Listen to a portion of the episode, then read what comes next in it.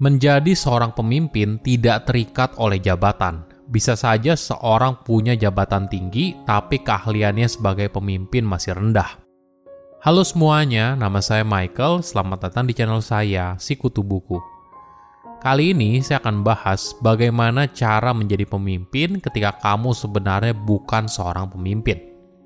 Ini merupakan rangkuman dari video TED Talk Alex Budak yang berjudul You Don't Have to Be a CEO to Be a Leader dan diolah dari berbagai sumber. Jika bicara soal pemimpin, kita membayangkan sebuah sosok pemimpin yang luar biasa. Misalnya, Martin Luther King menggalang masa di Lincoln Memorial, Eleanor Roosevelt memimpin pembuatan deklarasi hak asasi manusia, atau seorang CEO yang berhasil membuat perusahaannya keluar dari kebangkrutan. Semua ini terasa begitu luar biasa dan membuat kita jadi takut ketika kita diberikan kesempatan untuk jadi pemimpin. Kita takut kalau kita tidak cukup baik, sehingga kita tidak bisa mengemban posisi dengan baik.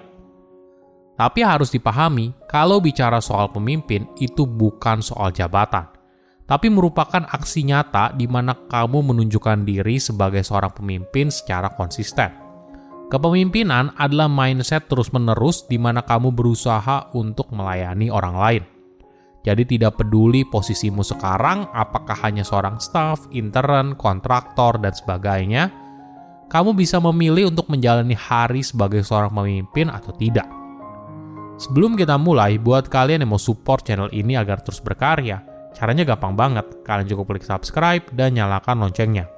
Dukungan kalian membantu banget supaya kita bisa rutin posting dan bersama-sama belajar di channel ini.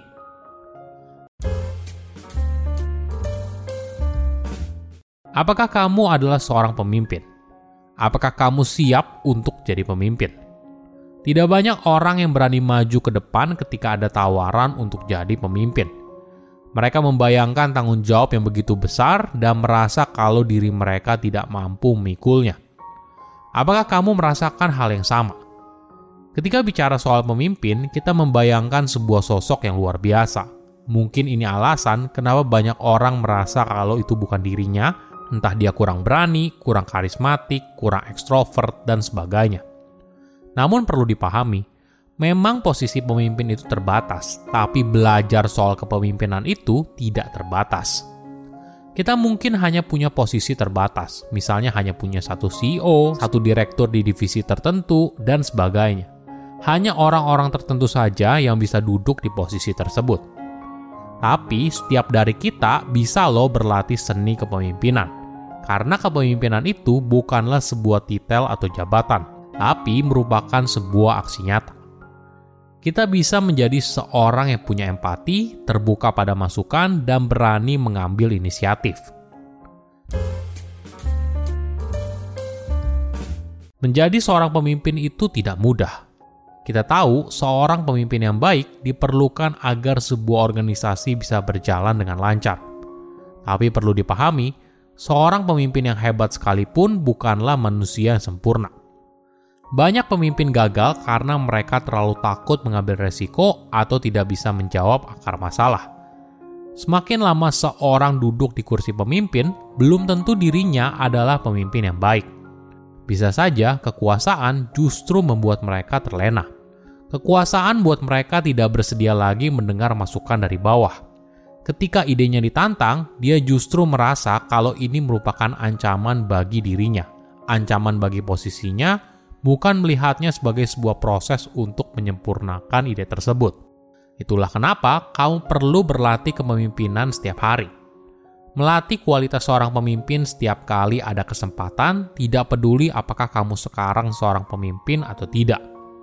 Ada sebuah konsep dinamakan micro leadership. Ini berbeda dengan micromanaging ya, Micromanaging adalah seorang manajer yang selalu memperhatikan setiap langkah atau mendikte bagaimana cara karyawan bekerja hingga ke detail terkecil. Terminologi ini sering kali punya konotasi negatif. Tapi perlu dipahami, seorang manajer belum tentu merupakan seorang pemimpin. Seorang manajer menjadi manajer karena jabatan yang dimilikinya, belum tentu karena keahliannya dalam memimpin. Di sisi lain, micro leadership itu artinya membagi seni kepemimpinan menjadi bagian terkecil yang muncul dalam hidup kita setiap harinya. Lalu yang paling penting adalah kita menjalaninya secara konsisten. Momen kecil di mana kita bicara dan melayani orang lain. Mungkin menyadari rekan kerja yang belum bisa bicara saat meeting, lalu mendorong mereka untuk memberikan pendapat. Atau berani bilang tidak ketika semua orang bilang iya atau membantu rekan kerja hingga larut malam saat mereka baru pertama kali bekerja. Ini adalah momen di mana kamu justru sedang bertindak sebagai seorang pemimpin. Latihan kecil ini mempersiapkan dirimu untuk jadi pemimpin di masa depan ketika kesempatannya tiba. Misalnya, ketika ada lowongan untuk jadi manajer, direktur, atau bahkan CEO. Ketika kesempatan terbuka, maka kamu tidak takut dan berani untuk mengambil peluang tersebut. Latihan ini akan memberikanmu kepercayaan diri untuk bisa naik ke tingkat yang lebih tinggi lagi. Kita sering kali mengglorifikasi seorang pemimpin. Kita membayangkan sosok seseorang yang kuat dan bisa memberitahu kita apa pun yang kita inginkan. Ibaratnya, masalah apa pun yang kita hadapi, maka seorang pemimpin adalah sumber solusi. Sayangnya, di dunia nyata tidak begitu Kepemimpinan sering kali bukan top-down, tapi dari bottom-up. Seseorang yang punya jiwa pemimpin berani menyisingkan lengan baju untuk turun ke bawah. Mereka tidak hanya duduk diam dan menerima laporan saja, tapi ikut membantu bekerja. Bagaimana cara berlatih micro leadership? Pertama, ambil inisiatif. Mungkin kita perlu berhenti menunggu seorang untuk bilang kalau kita adalah pemimpin baru kita bertindak seperti layaknya seorang pemimpin. Kita bisa mulai mengambil inisiatif untuk memulai atau menjadi PIC dalam sebuah proyek. Coba lihat lingkungan sekitarmu, apa yang sekiranya butuh perbaikan. Mungkin kamu bisa memulainya dari sana. Kedua, perhatikan keputusan yang kamu ambil. Menjadi seorang pemimpin tidak boleh mengambil keputusan yang ceroboh. Kamu tidak bisa hari ini bilang A, besok bilang B ini bukan ciri pemimpin yang baik. Semua keputusan yang kamu ambil perlu dipikirkan matang-matang dan diambil dengan cermat. Coba perhatikan keputusan yang kamu ambil dalam hal hubungan sosial, keuangan, kesehatan, dan sebagainya. Apakah kamu sudah mempertimbangkannya dengan baik? Apakah kamu sudah mengambil pilihan terbaik? Sebelum memimpin orang lain, kamu perlu belajar untuk memimpin dirimu sendiri dulu. Ketiga, dengarkan dan bicarakan dengan baik, walaupun situasinya sulit. Jika kamu ingin jadi pemimpin, maka keahlian mendengar secara mendalam merupakan sesuatu yang sangat penting. Setiap orang tentunya ingin dianggap berharga. Mereka ingin apa yang disampaikan didengarkan oleh orang lain.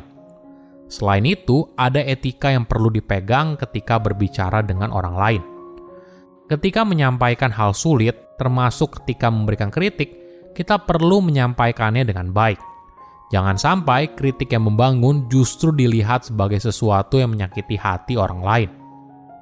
Silahkan komen di kolom komentar pelajaran apa yang kalian dapat ketika tahu informasi ini. Selain itu, komen juga mau tahu informasi apa lagi yang saya review di video berikutnya. Saya undur diri, jangan lupa subscribe channel YouTube Sikutu Buku. Bye bye.